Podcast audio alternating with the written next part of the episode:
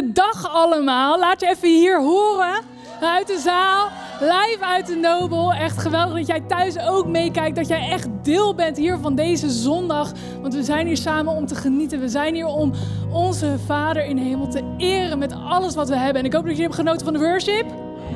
Ja, toch wel als je hier staat, dat is wel even next level. Ik hoop je ook heel graag een keertje hier te ontvangen. Of misschien wel in een van de locaties in Rotterdam of in Amsterdam. Waar, ook je, waar je ook bent, geniet van deze dag. Ook zie je een paar Rotterdammers in de zaal. Dat vind ik leuk. Kijk, dat vind ik dus heel erg tof. Ja, heel nice.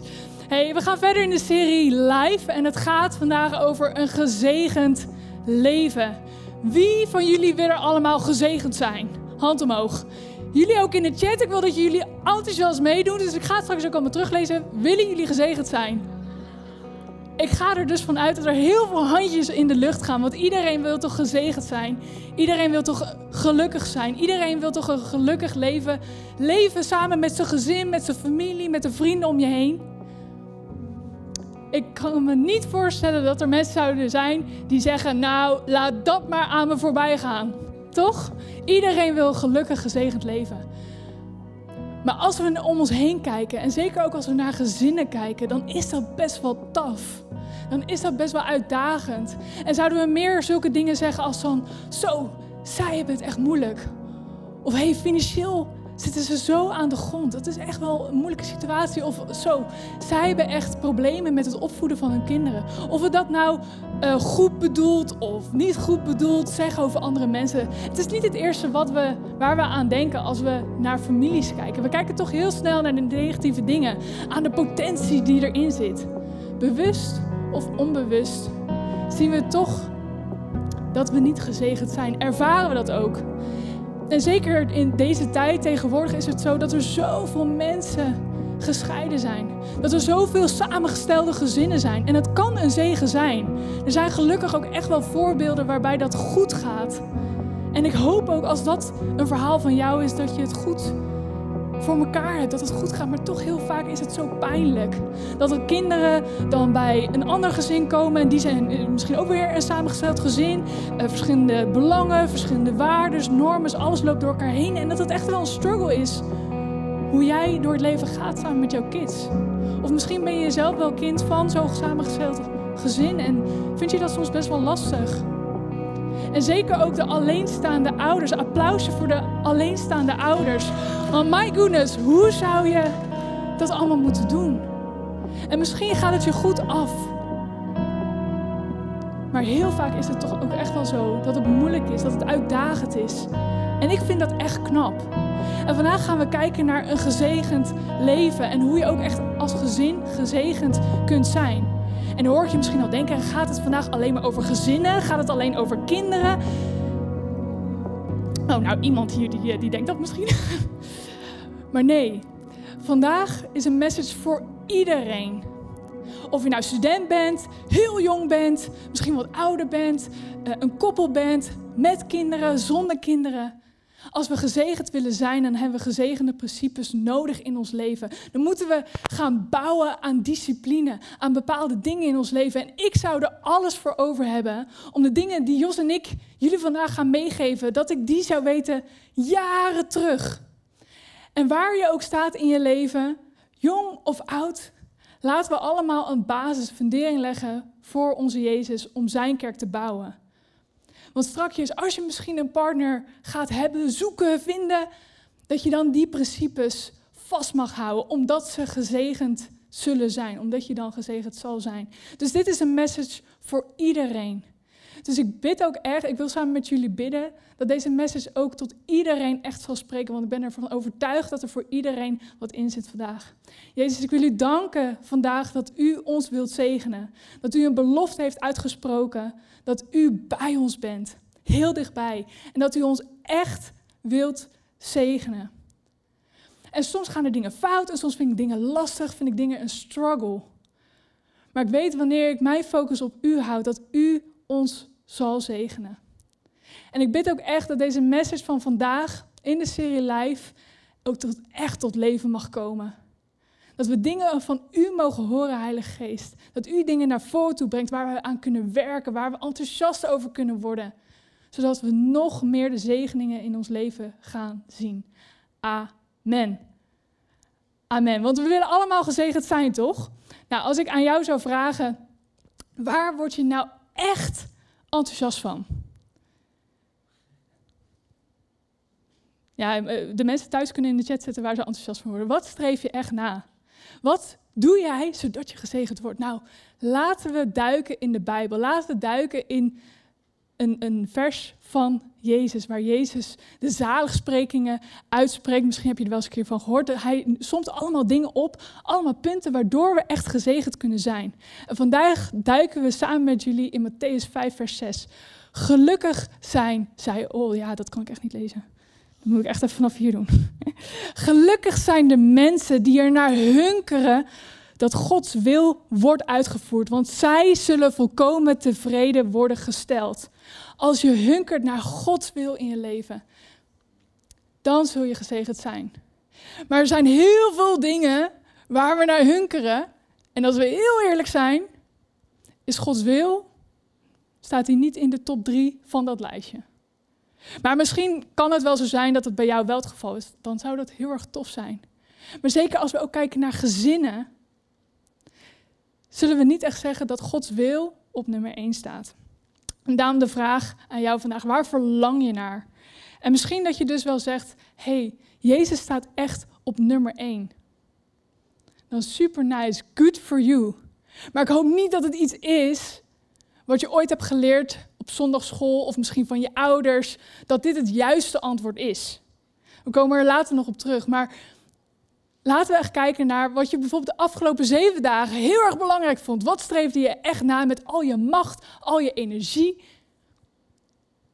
Want we merken ook dat we zoveel dingen nastreven die dus misschien niet helemaal bevredigend zijn, die niet de uitwerking hebben wat we willen. En daar is een beetje een spanningsveld tussen. Want er zijn allemaal geen. Het leven bestaat niet alleen uit verkeerde dingen. Dat betekent niet dat we heel veel dingen niet mogen doen. Maar dit vers zegt heel duidelijk dat we gezegend zullen zijn, echt gelukkig zullen zijn, wanneer we Gods wil, dat we daarnaar streven. Maar heel vaak zijn er toch misschien andere dingen. Dus denk aan dat de gezinnen of jij zelf ook wel zeggen, ja, maar weet je wat, deze, ik vind het gewoon heel erg belangrijk om te kunnen rusten. Ik vind ontspanning super belangrijk, dus ik zorg ervoor dat ik zoveel mogelijk relaxte momenten in mijn week inplan. Of misschien zeg je wel, ja, maar ik wil gewoon heel veel leuke dingen doen. Daar is toch niks mis mee? Nee, daar is ook helemaal niks mis mee. Maar staat dat boven God?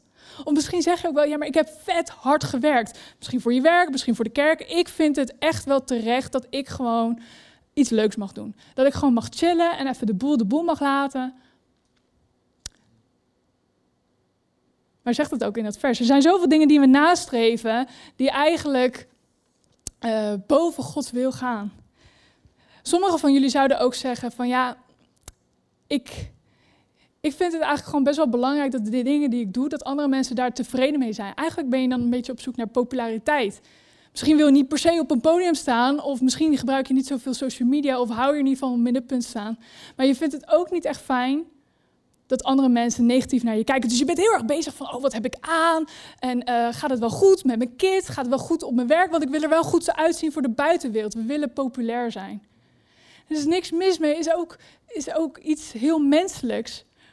Maar gaat het ook echt het leven opbrengen dat je eigenlijk wil? Ga je daardoor ook echt de zegeningen van Jezus in jouw leven zien? Wanneer jouw focus zo op het aardse is, dat het zo de focus is op op de dingen die er niet echt, echt, echt te doen, die heel belangrijk zijn, maar die er niet echt toe doen. Of misschien zeg je wel sport. Ik vind sport super belangrijk. Ik wil geen wedstrijd missen. En ik wil er ook echt voor zorgen dat uh, als ik kinderen heb, en misschien heb je wel kinderen, dat je zegt van, oh, ik wil echt dat ze heel goed worden in een bepaalde sport. Ik wil dat ze uitblinken. Zo, heb je mijn, uh, mijn zoon of dochter gezien? Die doet het echt heel goed. Die zit in het winnende team. Nou ja, tof. Heel tof. Maar staat het ook boven God? Want wanneer we boven God staan, dan zullen we uiteindelijk merken dat het nastreven van die eerste plek toch niet zo bevredigend zal zijn. Want wat nou als je ook verliest? Wat nou als het tweede of derde plek is? Ja, pijnlijk, pijnlijk. Dus Dat is niet het juiste. En misschien zeg je wel, oké, ja, ik weet het nu wel. Ik wil ook echt, ik wil echt God op nummer 1 zetten. Ik wil echt, ik verlang echt naar Hem. Maar ik vind het gewoon zo lastig, want ik merk gewoon dat ik iedere keer een beetje verleid word. Of uh, ja, dat, ik, ja, dat mijn interesse zo snel uitgaat naar, naar andere dingen dan God. Want ik vind het lastig om me te focussen op de Bijbel of uh, te luisteren naar de worship. Ik ben zo snel afgeleid. Misschien ben jij dat wel. Dan heb ik goed nieuws voor je. Want we kunnen allemaal ons lifestyle kunnen we aanpassen. Er zijn heel veel dingen die we in ons leven kunnen toepassen. Dingen die we kunnen ontdekken, zodat we steeds meer het Gods wil in ons leven gaan zien. En nou ja, wie houdt er van social media? Nou, hier niet zoveel mensen. Is het wel echt zo? Is het echt zo? Nee. nou, ik ben gek op social media. Misschien ben je niet gek op social media, maar hou je wel heel erg van het nieuws. Wil je geen enkele nieuws-item missen? Blogs, Spotify, um, TikTok, Snapchat, Pinterest, Instagram, Facebook. En nog een keer opnieuw en opnieuw en opnieuw. Waarschijnlijk herken je je echt daar wel in. Want we krijgen zoveel prikkels te verduren. Nou, en ik hou eigenlijk heel erg van die prikkels. Ik hou ervan om in contact te staan met mensen. Maar soms kan het ook wel heel erg intens zijn. Herkennen jullie dat wel? Nou, nog niet heel erg in de zaal. Ik ben benieuwd of jullie dat thuis wel herkennen. Maar ik heb dat echt. Dat ik op een gegeven moment zoveel dingen aan me voorbij zien komen. En we zeggen hier ook heel vaak bij ICF: als je wil weten waar je hart echt sneller van gaat kloppen, open dan maar eens je agenda. En open maar eens je bankrekening om te kijken van, hé, hey, waar gaat het eigenlijk allemaal heen? Waar is mijn aandacht op gevestigd? Nou, daar wil ik vandaag nog iets aan toevoegen. En dat is je schermtijd. Ja, gelukkig. Er is iemand die zich daar al in herkent, want die voelt hem al aankomen. Je schermtijd laat heel veel zien over wie jij bent. Nou, zijn jullie misschien meteen wel benieuwd wat er bij mij uitkomt? Nou, ik heb er naar gekeken. Mijn gemiddelde schermtijd op een dag is acht uur. Nou, en als ik dat zag, toen dacht ik, ja, maar uh, ik werk gewoon elke dag acht uur uh, minimaal. En ik, uh, nou, ik ging het al een beetje goed praten voor mezelf. Nou, kijk, dat, dat, dacht ik dus ook. Soms heb ik ook Spotify aan, weet je. En dan, dan staat hij gewoon aan en denk ik, laat maar gaan. Maar ik dacht wel, oh, oh, jeetje, ik kijk toch wel heel veel naar dat ding. En soms wordt me dat ook echt te veel. En dan merk ik, oké, ik heb gewoon een detox nodig. Vorige serie, Soul Detox, was ook echt top. Maar ik merk wel vaker van, oké, hij staat te lang aan, hij staat te lang aan, ik moet het even uitzetten. En soms ook helemaal weg. Dan gooi ik vooral Instagram, gooi ik eraf. En dat is zo'n bevrijding, is zo'n opluchting. En merk ik zoveel ruimte in mijn hoofd. Dan denk ik van, hé, hey, wat gaan we nu eens doen? Er zijn zoveel dingen die je buiten social media kan doen. En één week, twee weken, drie weken, vier weken vond ik het wel chill. Maar daarna dacht ik ook wel, ik wil toch wel eventjes kijken. Ik wil toch even kijken wat er gebeurt, want het geeft me ook heel veel plezier. Het kan toch niet zo slecht zijn? Maar zo snel merk ik dat als ik hem weer open doe, dat ik weer heel gauw heel veel uurtjes erop zit. Maar dan merk ik pas hoe vervelend, hoe destructief dat eigenlijk is, dat mijn aandacht zo uitgaat naar dat ding in plaats van de wereld om me heen. En dan merk je dus positief eigenlijk dat je je lifestyle zo snel kan veranderen, dat het zo snel een impact hebt heeft. En dat ik me dus nu ook heel erg bewust ben, als ik er naar kijk, oké, wat ging ik ook weer opzoeken en daar blijft het bij. Je kan dus je etenslust, je lifestyle, kan je aanpassen. Want op een gegeven moment merk je ook dat de dingen van deze wereld, de junkfood van media, van deze tijd, dat dat jouw honger niet stilt. Maar dat je dus echt hongerig kan zijn naar wat God door je leven heen wil doen. En soms is het een beetje een challenge, maar dat is gewoon fun om te ontdekken dat God steeds meer op nummer 1 hoort te staan. Omdat Hij in eerste instantie die plek verdient, maar ook echt omdat ik dan zie hoeveel meer het me brengt. Nogmaals, social media is niet slecht, het, het is fantastisch, maar maak er goed gebruik van. Als je God, God begint na te jagen, echt met Hem gaat wandelen, zijn geest in je leven zichtbaar laat worden, dan wil je ook niet meer zonder. Dan ervaar je zijn aanwezigheid en dat is heerlijk, dat is fantastisch. Want dan open je je ogen en dan zie je wat God allemaal door je heen wil doen. En dat, nou, daar wil je toch alleen maar meer van. En het goede nieuws is, is dat je dat soort dingen echt kan cultiveren in je leven. Echt een lifestyle. Misschien dat je, dat je nog wat denkt, ja, maar hoe dan? Hoe doe ik dat dan? Nou, ik vertel je eerst hoe het niet moet. Ik vertel je eerst hoe je niet goed kan hunkeren naar Gods wil. Want er zijn twee dingen die niet werken. Eerst is een wettisch geloof. En het tweede is een lauw, warm geloof. Die moet je goed onthouden. Het eerste is een wettisch geloof. Wat is nou eigenlijk een wettisch geloof? Nou, een wettisch geloof is dat je zegt: Ik geloof in Jezus, maar je doet er helemaal niks mee. Het heet ook wel cultureel christendom. Dus dat je zegt, ik ben christen, maar je sluit je ogen wat Jezus door je heen wil doen. Je staat hier zondag heel heilig te zijn, maar op maandag, dinsdag, woensdag, donderdag, vrijdag, zaterdag ben je vergeten dat, wat Jezus door jou heen wil doen. En dan laat je zoveel liggen.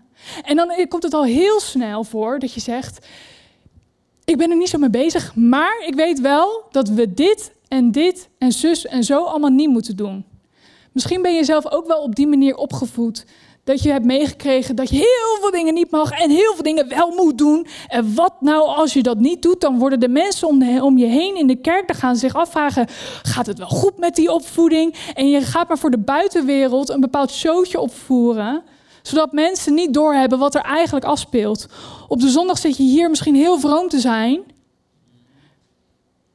maar onderweg naar de, naar, de, naar de celebration toe heb je vet ruzie zitten maken. Is niks mis mee. Maar je hoeft je niet beter voor te doen dan je bent.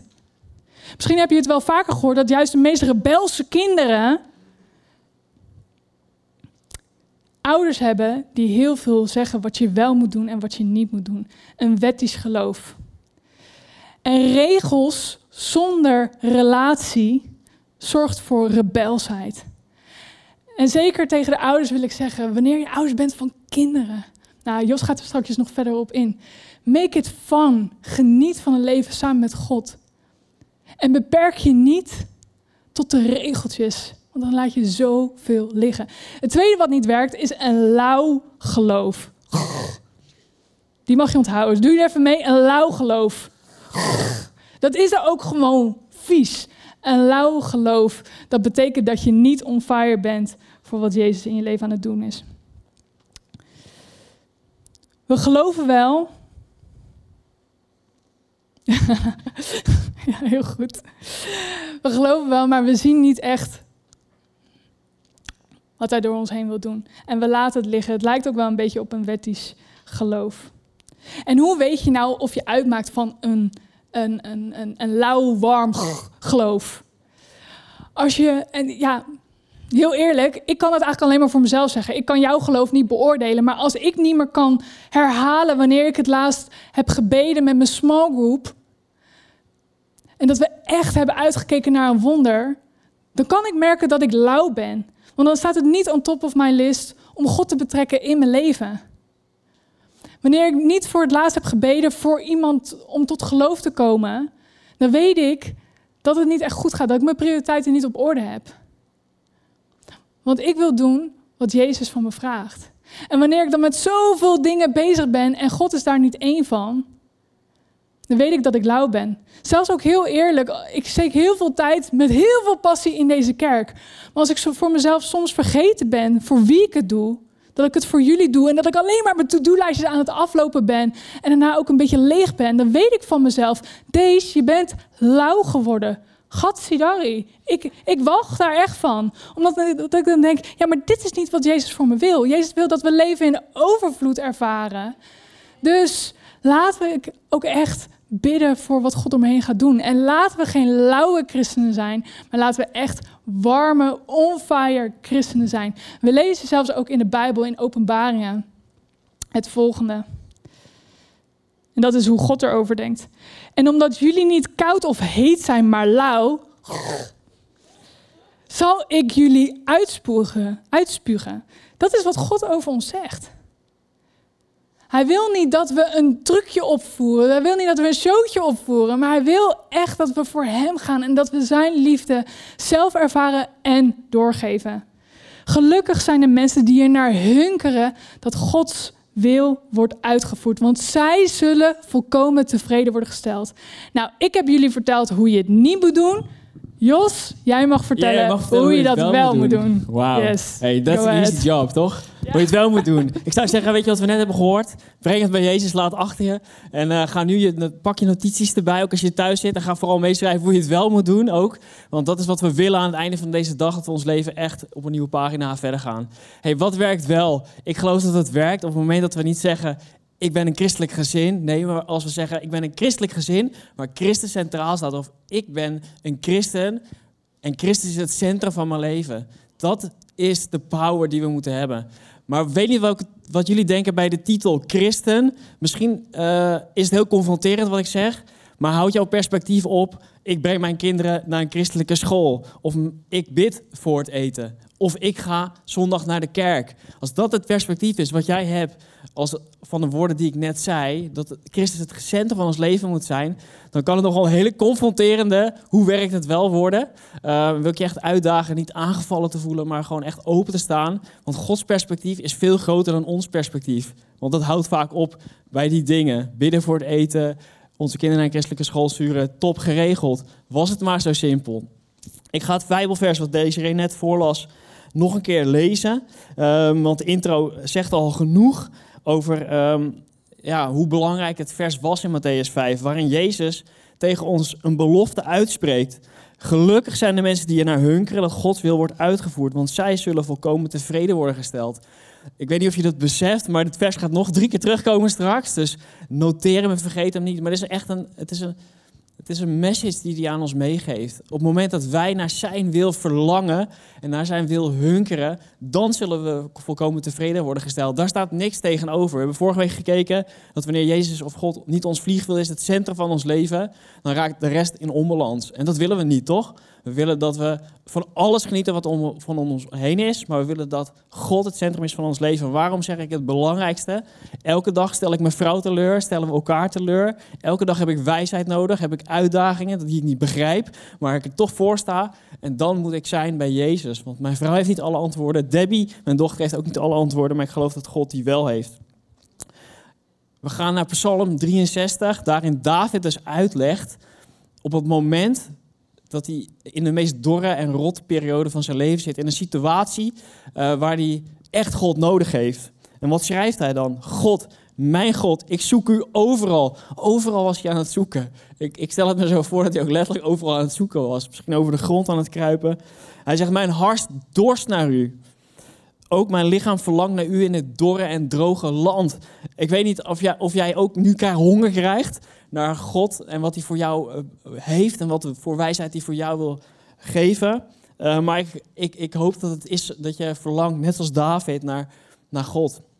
Want als dat niet zo is, dan moeten we echt aan ons eetlust veranderen. Dan moeten we elke dag wat anders gaan koken, ons leven anders in gaan richten. Maar we moeten op zoek gaan naar het verlangen waar, Paul, of, uh, waar David het dus ook over heeft. Want het is super belangrijk, want we willen dat Christus het centrum is van ons gezin, van ons leven. En ik heb hier een, een waanzinnig voorbeeld dat ik jullie mee wil geven. En het beeld dat hoop, moet echt bij je blijven hangen vandaag. Want we hebben hier een schaal en in die schaal zit droge grond. En die droge grond is droog. Ons leven is soms droog. Maar op het moment dat we Gods water, David, of waar David het over heeft, Gods water tot ons laten stromen. En we laten Gods water echt in ons leven komen. Weet je wat dan het vet is? Ik weet niet of jullie het goed kunnen zien. Maar er moet veel meer water bij. We gaan straks nog even terug. Maar wat gebeurt er? Op het moment dat we Gods water in ons leven laten komen, op het moment dat we door zijn, droog zijn, in een burn-out zitten, misschien zie ik niet meer zitten, dan moet je Gods water laten stromen. Want wat, wat er gebeurt is dat deze grond wordt weer vruchtbaar. Als we droog en verdord zijn, hebben we Gods water nodig. Dat is waar David het over heeft. Zijn wijsheid, zijn inzicht, zijn liefde. Want dan hebben we vruchtbare grond om onze gave talenten, die we allemaal stuk voor stuk hebben, echt te laten groeien en vruchten laten voortbrengen. En voor jezelf is dat al het geval, maar ook als je een gezin hebt.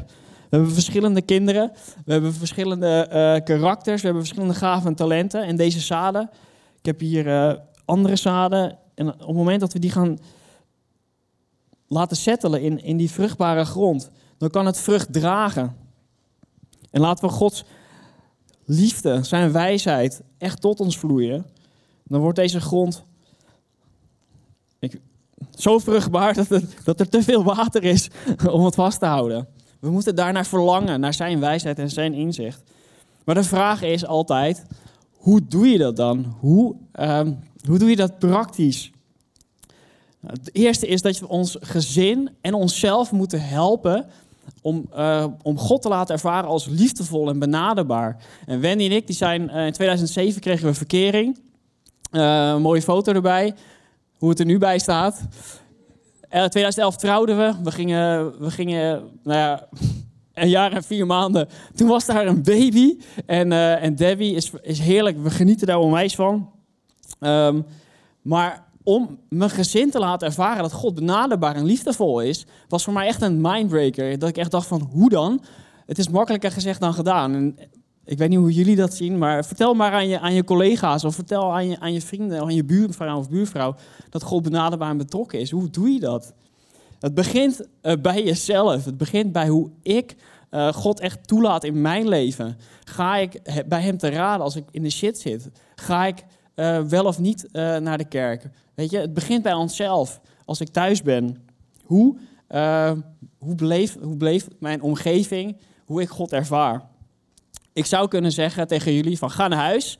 Zeg tegen je dochter, tegen je man, God is liefdevol.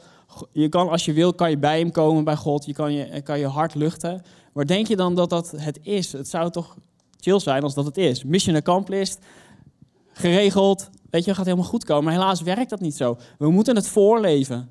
Mensen kunnen niet zien hoe groot onze God is als we zelf het niet voorleven. En daarom heb ik een quote meegenomen die mij enorm aansprak. Mandy Rochelle is de dochter van Greg Rochelle, waanzinnige spreker van, uh, van uh, Life Church in Amerika. En uh, zij schrijft dan: Je moet een omgeving creëren waarin je kinderen gesprek over God willen hebben, zodat het niet iets is waarvan ze het gevoel hebben dat het moet, maar iets dat ze willen doen. En het was echt spot on dat ik dit las. Ik dacht van ja, dat is precies hoe het werkt. We moeten het echt aantrekkelijk maken. En daarom wens ik mij dat Debbie later zegt, en, en mij hoor, als ze mij hoort bidden, dat ze merkt van... hé, hey, papa bidt met zijn eigen woorden, met zijn eigen taal. Uh, dus dat kan ik ook. En hij doet het op elk moment wanneer hij daar behoefte aan heeft. En ik hoop dat ze ook gaat merken van... oh, geven is normaal. Het is niet normaal om, een, om, een, om te op te potten, net als Dagobert Duck. Maar dat hoop ik ook dat als ik vrienden meeneem naar de kerk of thuis ben... dat ze ervaren dat het niet saai is, dat het niet boring is... Dus we moeten echt een omgeving creëren waarin mensen merken, ja, God is benaderbaar en betrokken. We kunnen met alles bij hem terecht. En hij is het levend water wat hij, wat hij in ons gezin wil, wil laten doorvloeien. Deze reden, ik ga jullie drie manieren meegeven om echt nog, nog praktischer uh, en te zeggen van, hey, zo kunnen we het echt wekelijks gaan aanpakken. Om dit uh, leven in overvloed echt nog meer te gaan ervaren. Christus in het centrum van ons leven. En de eerste is, die ik heb meeneem, is maak kerk non-negotiable. Maak kerk niet on, uh, ja, onderhandel daar niet over of je gaat. Jullie houden allemaal van sporten. Ik ben echt lijp van mountainbiken. Dat weten jullie inmiddels al. Um, en ik plan dat in mijn agenda, maar toch krijg ik het voor elkaar om het ter discussie te stellen. Ga ik wel, ga ik niet? Het regent, ik heb het eigenlijk wel druk. Zal ik het skippen? Terwijl ik weet dat het onwijs goed voor me is. Dat het me goed doet. En dat weet ik ook met kerk. Het doet me goed. Uh, maar toch stel ik het soms ter discussie in mijn hoofd. En daar gaat het precies mis. Want we moeten de drukte, onze omstandigheden, ons gevoel niet laten bepalen of we naar de kerk gaan of niet. Want wat voor message geven wij af aan ons gezin? Het is helemaal niet belangrijk. Dat is helemaal niet een plek waar ik wil zijn als ik verdrietig ben. We moeten het omgekeerde laten zien. Laat zien dat je in je drukte, in je diepste down, ervoor kiest om te zeggen: Ik ben bij mijn vrienden. Ik ga naar de plek waar God is, waar andere mensen God aanbidden, die mij supporten en aanmoedigen om dat ook te doen. Dus leid je gevoel aan, leid je omstandigheden. Laat die je niet beïnvloeden. Dit is de place to be. Voor Wendy en mij, toen wij trouwden, toen was het een deal die we samen sloten. Onze huwelijk, uh, of we nou een huis kopen, of uh, wat we dan ook doen, het gaat niet ten koste van onze small group, het gaat niet ten koste van onze zondagsbezoeken. En je kan mijn agenda daarop naslaan. Uh, maar dat is ook de reden waarom wij hier staan. Dat is ook de reden waarom we zoveel power hebben, geloof ik, waarom we veel kunnen verzetten. Omdat wij ervoor kiezen te zeggen, God is het centrum van ons leven. God, we laten het water echt stromen in ons leven, zijn wijsheid en inzicht. Dus ik hoop dat je die hebt genoteerd, ook als jullie thuis zitten. Volgende week hier. yeah. Hey, laat zien dat tijd met God en dienen onwijs leuk is. Laat gewoon zien dat je ervan geniet. Begin iets te doen in de kerk, maar geniet er ook vooral van. Doe het niet omdat je het moet doen, maar omdat je het wil doen. Wellicht ben je gevraagd door First Impression en denk je, ja, daar heb ik echt geen zin in. Maar ja, weet je, iemand moet het doen en dan sta je daar bij de deur. Maar je kan ook denken, wauw, wat een eer dat ik gevraagd ben door Daniel om in het team te komen. Ik ga echt een shine en een, een, een glimlach op mensen hun gezicht toveren. Um, het is, het is, ben je jezelf bewust van het perspectief dat je mensen meegeeft? Ben je je bewust van je eigen houding? Ben je je bewust um, van de creativiteit die je wel of niet um, moet ontwikkelen nog? Maar wees je bewust van als je iets gaat doen, ook al is het een shitty job, ik heb ook toiletten gepoetst, maar we maakten er een feestje van. We namen slingers mee in het toilet om op te hangen. We hingen quotes op bij de vrouwen in het toiletten. Uh, dat moeten we misschien in Nederland nog een keertje gaan doen. Dat heb ik in Zwitserland al gedaan. Maar uh, maak er echt iets te geks van. Zodat mensen echt denken van wauw, dat is echt cool. Dus zo kan je dat in de kerk doen. En hoe doe je dat thuis? Nou, een klein clip op de achtergrond. Debbie is nog maar anderhalf jaar oud. Ik weet het. Ze kan nog niet lezen, kan nog niet schrijven. Maar ik durf te zeggen dat ze zich heel duidelijk um, kan merken hoe ik mij voel. En hoe ik omga als ik zagrijnig uit bed ga. Wat ik dan ga doen. En uh, nou ja, wat we gewoon doen op zondag is gewoon die tv aanzetten. En je kan ervoor kiezen om op de bank te gaan zitten en te zeggen, ja, zo uh, kijken we kerk, chill, weet je wel, een beetje worship, leuk, blijven zitten. Op het podium staan ze allemaal te springen. Volgens mij begrijpt Debbie dat dan niet. Want het eerste wat zij doet is, zij loopt naar die dressoir toe, begint daar een beetje te dansen. Het zou toch een beetje awkward zijn als wij God echt ervaren, zeggen, ja, het is mijn hart, ik verlang naar hem en je zit daar een beetje op die bank. Probeer echt bewust te zijn van, van welke houding je inneemt voor je omgeving. En ga niet dat doen omdat het moet, want als je dat merkt, dan moet je teruggaan naar wat David zei. En verlangen naar wat God jou echt wil geven. Want daardoor wordt je creativiteit groter, je bewustheid wordt groter. Dus ga terug naar die bron. Die bron die ons kan helpen om echt een impact te maken op onze omgeving. En dan wil ik dit punt afronden bij een te gek vers in Joshua. Die zegt, maar als u de Heer niet wilt gehoorzamen, besluit dan vandaag wie u wel wilt gehoorzamen. Maar ik en mijn gezin, wij zullen de Heer dienen. Dat is de keuze die ik maak vandaag. En ik hoop ook dat jij die keuze vandaag maakt voor morgen. Als jij morgen gaat beslissen wat je morgen gaat doen, dan ga jij niet fietsen, ga je niet sporten en ga je ook niet naar de kerk. Dat is wat ik geloof. Maar als jij zegt van, hé, hey, Zondag zit ik hier, want dat is de place to be. Dat is waar ik mijn ziel laat vullen met wat, alles wat ik nodig heb. Dan zul je merken dat het kan. Dus waar moet jij beginnen? Beslis één, dat je de zondag bent. Beslis twee, dat je een impact kan maken om je omgeving. Laat mensen zien dat God volgen een zegen is. Echt een blessing is. En als laatste, dat met God praten super normaal is.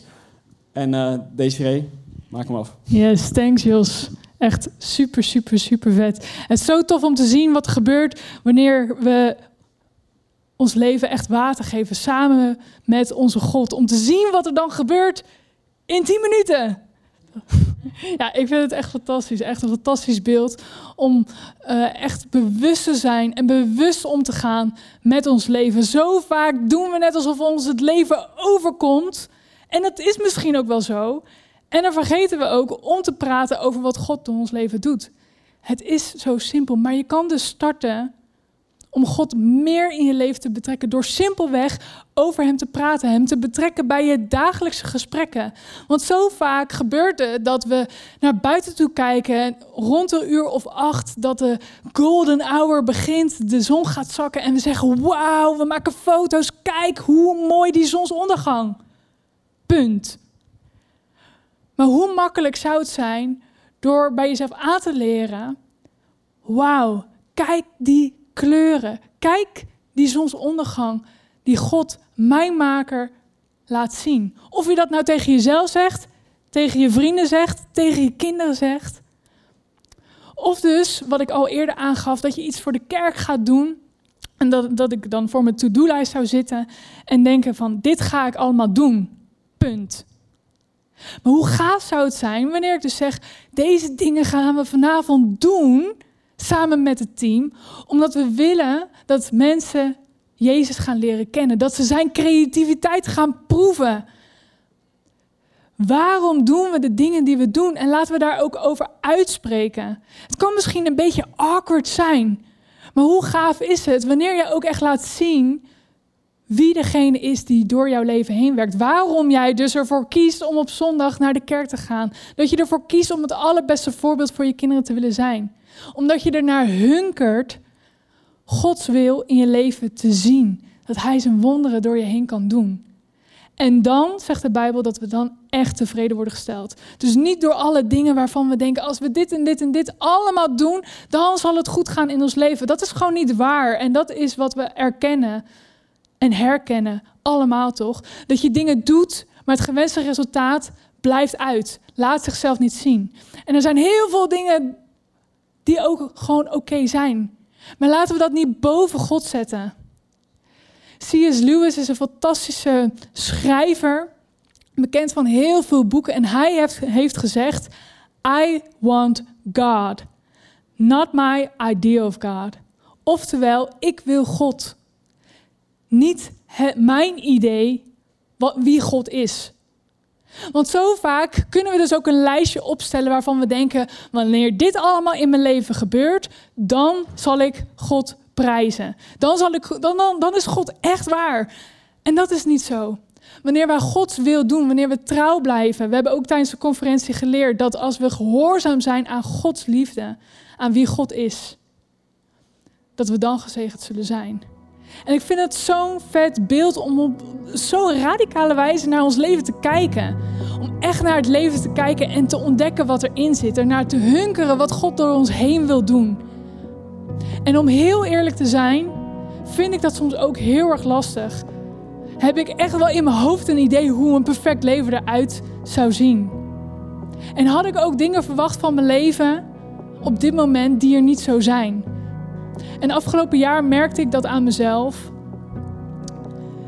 Ik was aan het bidden samen met mijn small group voordat we zouden starten met avondmaal. En het was de bedoeling dat we God zouden danken voor het leven. En ik, ik, ik deed mijn ogen dicht. En ik bedacht me. Ik vind het best wel moeilijk. En God, ik hoorde God zeggen: Desiree, ik heb het leven gegeven als een geschenk. En toen dacht ik, een geschenk? Een geschenk? Ik vind helemaal geen geschenk. Ik vind het hartstikke moeilijk, het leven. Ik loop tegen, heel veel dingen aan. Dingen die gaan niet zoals ik wil. Mijn idee van wat God door mijn leven heen zou moeten doen, was niet het juiste. En ik merkte echt dat ik gewoon het toe had gelaten om zo verbitterd te zijn. Eigenlijk een te lauw en te wettisch van de dingen die ik wel of niet zou moeten doen. En ik merkte echt dat ik stak zat. En daarom wat ik aan het begin van deze celebration al zei. In deze message, al deze eigenlijk best wel makkelijke dingen zitten echt principes voor het leven. Om voor jezelf om op te bouwen. En ik ben zo dankbaar dat onze God een genadige God is. En dat hij gewoon tegen mij zei, deze we gaan het weer opnieuw doen. We gaan weer opnieuw kijken hoe ik jouw leven ga vullen. En ik weet zeker wanneer je thuis zit en misschien zit je wel in, met je handen in het haar over het opvoeden van je kinderen of omgang met je partner of omgaan met jezelf. Daar ben ik er zeker eentje van. Dat je soms niet weet wat je met jezelf aan moet. Maar we willen gezegend zijn. En God zegt, we gaan het opnieuw doen. Niet mijn idee van God, maar wat God door ons heen wil doen. En laten we ook een kerk zijn die dus uitstrekt naar andere mensen. Vorige week tijdens de Vision Time bij ICF Amsterdam zei Matthias Gerritsen, zijn voorganger daar, die zei: laten we niet lief voor elkaar zijn, maar laten we liefdevol naar elkaar zijn. Laten we elkaar echt benaderen als broeders en zusters. Het klinkt een beetje ouderwets, maar hoe vet is dat? Dat je dus naar elkaar toe kan gaan en gewoon het kan aanspreken. Zo vaak houden we het voor onszelf. En zo vaak delen we niet echt wat er op ons hart ligt. Omdat we dan misschien bang zijn om afgewezen te worden. Om misschien afgeschreven te worden. Dat we er misschien niet meer bij horen. Of dat er mensen achterkomen dat we niet perfect zijn. We zijn allemaal niet perfect, dus haal dat maar uit je hoofd. Maar ik vond het zo gaaf dat hij dat zei. En ik wil echt een kerk zijn samen met jullie. Die naar elkaar omziet. Dat we dus tegen elkaar zeggen: hoe gaat het echt met jou? Hoe gaat het met jouw leven? Waar struggle je mee? Wat vind je uitdagend? En wanneer het dus uitdagend is om je kinderen op te voeden of om een gezonde relatie te bouwen, om dus dan je vrienden op te bellen en te zeggen van hey, help me out. Laten we samen bidden wat God door ons leven heen wil doen. En ik vind het te gek dat we al zo'n kerk zijn, maar ik wil ons echt allemaal, inclusief mezelf, uitdagen om dat nog meer te doen, ook naar de buitenwereld. Naar onze collega's, naar onze vrienden, naar mensen die Jezus nog niet kennen. Omdat het niet, zo, het niet gaat hoe perfect wij zijn, of hoe goed wij het voor elkaar hebben, maar omdat wij geloven in een grote God die door ons heen werkt. En voor hier in de zaal en zeker ook thuis, wat Jos net zei, laten we staan. Laten we met z'n allen gaan staan. Voor onze Jezus. Omdat Hij groot is en niet omdat wij perfect hoeven te zijn. Ik hoop echt dat je een actieve houding aanneemt. En dat je niet lauw, niet wettisch, bent, maar dat je echt hunkert naar Gods wil in jouw leven. Bid met me mee. Jezus, u heeft het leven gegeven als een enorm geschenk. Als iets heel tofs. En Jezus, ik wil het niet meer vullen met mijn eigen to-do's, principes, waarden en normen. Want ik weet, wanneer ik dat doe, dat ik uiteindelijk leeg ben omdat er discussies komen die ik helemaal niet kan winnen. Omdat die dingen helemaal niet gegrond zijn op iets wat leven geeft. En Jezus, u zegt, ik geef leven. En daarom willen we u volgen, Jezus. Daarom willen we ontdekken wat u voor ons heeft. En misschien wordt het taf. En dan ben ik zo dankbaar dat we samen als een kerk daardoor heen kunnen gaan. Dat we ons niet hoeven te schamen voor wat er is gebeurd in het verleden. Maar dat we elkaar kunnen vergeven. Dat u ons vergeeft. En dat dat zo'n power geeft. Dat we ons niet hoeven te schamen. Dat we niet meer boos hoeven te zijn. Dat we niet meer die wrok hoeven te hebben over het leven. En wauw, dan zijn we echt vrij, Jezus. En ik bid voor alle mensen die struggelen. In relaties, op het werk, met hun gezondheid. Misschien wel met een verslaving. Misschien wel met een gebroken gezin gebroken verlangens, gebroken gebeden die niet verhoord zijn. Wanneer we daar zo onder gebukt gaan, Jezus, bid ik in uw heilige grote naam dat dat vanaf vandaag niet meer bij ons hoort. En dat we echt uw wil in ons leven mogen gaan zien. Dat we die stappen gaan zetten, een goed voorbeeld gaan zijn. Niet omdat dat moet, maar omdat we het willen. En Jezus, bouw uw kerk door ons heen. We stellen ons beschikbaar. We stellen ons open voor u, wat u door ons heen wilt doen. En het is een eer om dat samen met u te doen. En ik wil u danken dat u ons nooit, nooit, nooit, nooit alleen laat. Want u heeft ons mensen gegeven. En Jezus, vanaf vandaag wil ik ook een betere vriend of vriendin zijn. Wil ik een betere ouder zijn. Niet voor de buitenwereld, maar omdat u dat van ons vraagt zodat we een nieuwe generatie kunnen opvoeden met sterke principes om u te volgen, om uw wil op nummer 1 te zetten. Omdat we er naar verlangen, omdat we er naar hunkeren dat uw wil wordt gedaan. En dank u dat u ons zegent. Amen.